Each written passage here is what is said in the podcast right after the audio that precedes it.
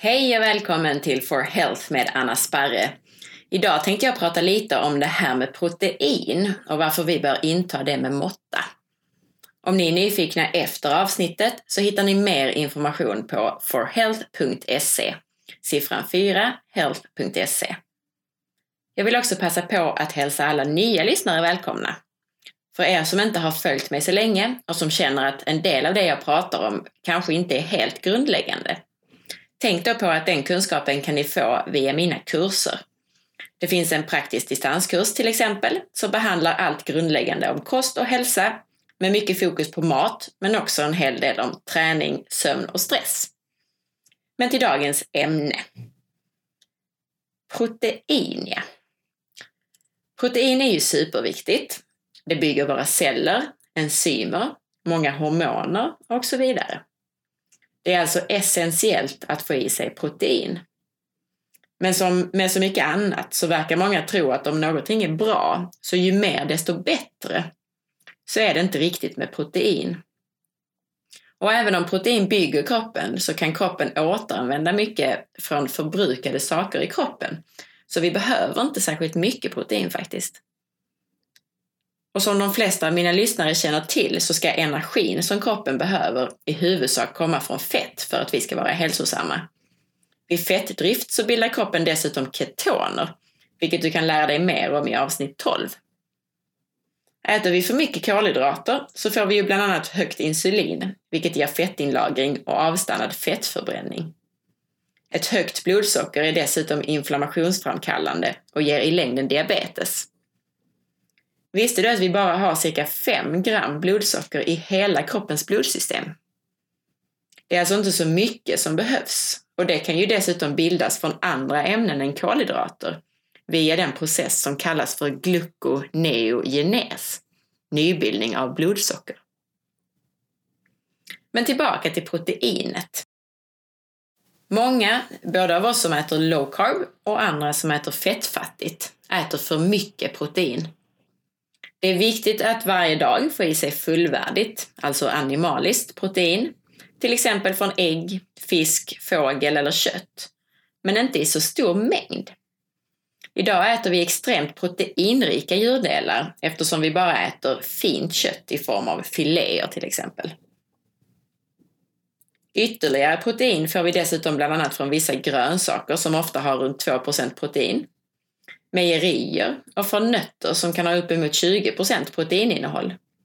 Så även om det är viktigt med protein så behöver vi inte överdriva.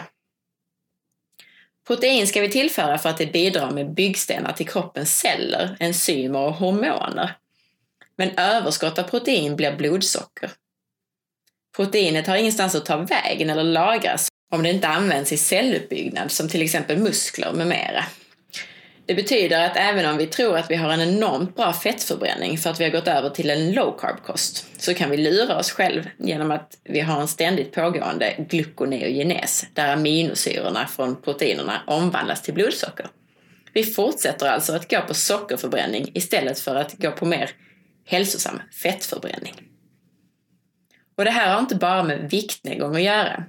Fett är hälsosammare att förbränna än socker. Socker är egentligen bara ett nödbränsle för anaeroba nödlägen. Anaerob betyder alltså utan tillgång på syre. Och då kan inte fett förbrännas, utan vi behöver ta till blodsockret. Sådana nödlägen kan vara om vi behöver sprinta snabbt från en björn. Det är skadligare för kroppen att bränna socker än fett. Dessutom onödigt att belasta kroppen med för mycket restprodukter från proteinnedbrytningen. Om man inte rör sig så mycket så behöver man antagligen runt 1 gram protein per kilo slank kroppsvikt per dygn. Och slank kroppsvikt får man då uppskatta om man är över eller underviktig. Beroende på din kroppstyp så kan man gissningsvis säga att den för män är runt din längd i centimeter, minus 100. Till exempel 80 kilo om du är 180 centimeter lång. För kvinnor är det lite mindre, kanske runt din längd i centimeter, minus 110 det vill säga 60 kilo om du är 170 centimeter. Men det beror ju självklart väldigt mycket på kroppstypen. Vanligt kött, fisk och fågel har ofta runt 20% protein eller mer. Så ska du till exempel äta 60 gram protein på en dag så räcker det med max 300 gram av det här. Och då har du ändå bortsett från andra proteinkällor. Äter du en rejäl stek till middag så kan den säkert vara på 200 gram. Då ska resterande 20 gram protein fördelas på lunch, frukost och eventuella mellanmål. Det räcker med några skivor ost och lite nötter så är du uppe i det. Minska proteinet lite genom att välja fetare delar, till exempel hel kyckling istället för filé. Ägg har också en fin fördelning med cirka 12% protein och ungefär 10 fett. Och skär för allt i världen inte bort fettkanterna. Det är det bästa på djuret. Eller på biten, på köttbiten. Ät gärna även mer fiberrika ovan jordgrönsaker som gör dig mätt. Ett bra mättnadstips är att använda typiska varma grönsaker och äta dem kalla istället. Skär rå broccoli i bitar och blanda med citron och olja och låt mjukna en stund innan servering. Samma sak fungerar med hyvlad zucchini. Använd fettkällor som avokado, oliver och hemmagjord majonnäs, förutom dina vanliga gräddsåser och vitlökssmör. Om vi äter mindre kött så har vi dessutom råd att välja finkött i form av naturbeteskött och ekologiska produkter. Så då har vi dessutom gjort miljön och, och, och oss själva en stor tjänst. Nu ska jag kortfattat berätta om en spännande grej som kallas för mTOR, Mammalian Target of Rapamycin. Jag ber om ursäkt för om uttalet inte är perfekt, men mTOR i alla fall kan man nog lättast beskriva som en del av en ämnesomsättningsprocess. Engelskans signaling pathway är mer korrekt. mTOR reglerar bland annat celltillväxt och proteinsyntes. Namnet mTOR kan referera till genen mTOR eller till proteinet mTOR som genen styr. Vid sidan av insulin och blodsocker och dess enorma påverkan på vår hälsa, som vid det här laget då är ganska välkänd, så har mTOR visat sig påverka bland annat fortplantningsförmåga, åldrande och risk för degenerativa sjukdomar och cancer. Anledningen att kalorirestriktion har visat sig så hälsosam i flera studier beror ju till stor del på att man då minskar blodsocker och insulinnivåer, alltså en effekt som vi kan uppnå genom kolhydratbegränsning.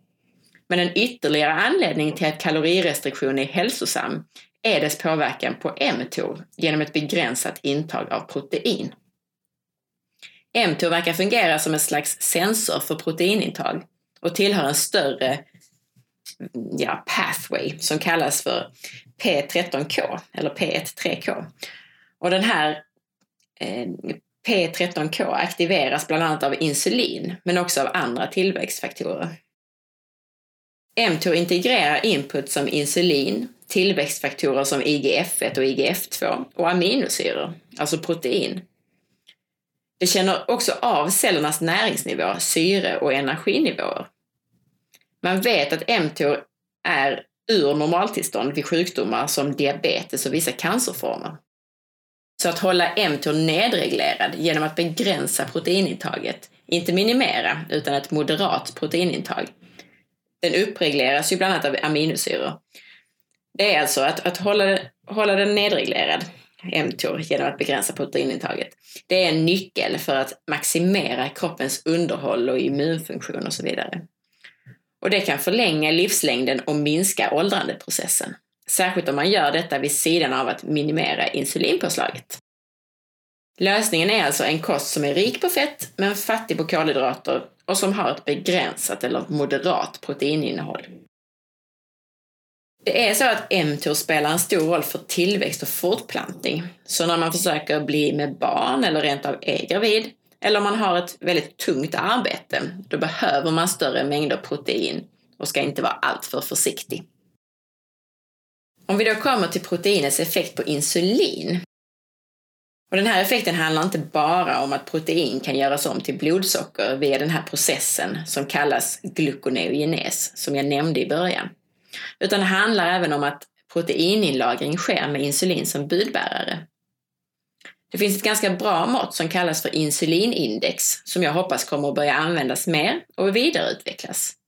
Det finns i dagsläget endast för ett fåtal livsmedel nämligen. Insulinindex mäter till skillnad från glykemiskt index, GI, hur stor påverkan livsmedlet har på insulinet istället för på blodsockret som då GI mäter. Och det är ju mer intressant att titta på insulinpåverkan eftersom Det är, det är framförallt insulinet som vi vill hålla i schack genom att då hålla blodsockret lågt eller jämnt. Det finns en stor korrelation mellan GI och insulinindex. Mjölmat till exempel, alltså bröd och så, har till exempel både högt GI och högt insulinindex. Men även högproteinkost utan några kolhydrater, såsom kött eller ägg eller ost, som har mycket lågt GI, har ändå en betydande effekt på insulinindex. Kött och ost har ett insulinindex som är jämförbart med gröt till exempel. Insulin fungerar som en budbärare för inlagring, inte bara för kolhydrater och blodsocker, utan kan även komma med budskapet att aminosyror, från proteinerna alltså, ska tas om hand. Insulinet hjälper till att få aminosyrorna till muskelcellerna. När vi äter proteinrik mat så utsöndras dessutom ett annat hormon, glukagon. Och glukagon höjer blodsockret något och möjliggör för levern att ta hand om aminosyrorna och göra dem till blodsocker. Jag hoppas att det inte blev allt för krångligt idag. Huvudbudskapet var alltså att inte överdriva proteinintaget utan när vi begränsar kolhydraterna så är det fettet framförallt som vi vill, vi vill öka på. För att vara i fettdrift, för att bilda ketoner och för att undvika att proteinet dels ombildas till blodsocker och på så sätt då har liknande negativa effekter som ett överdrivet kolhydratintag men också för att proteinet påverkar andra saker i kroppen, som till exempel den här mTOR som jag nämnde, som var lite komplicerad. Och dessutom också för att proteinet i sig kan påverka insulinet, inte bara genom att det ombildas till blodsocker. Så det var lite summerat för idag. Glöm nu inte att kika in på iTunes och lämna betyg och recension. Du kan också ställa lyssnarfrågor, eller läsarfrågor alltså, på forhealth.se i kommentarerna till blogginläggen. Kommande avsnitt kommer bland annat att handla om frukt och juice. Och så kommer det ett par väldigt spännande intervjuer. Så håll utkik och ha en toppendag!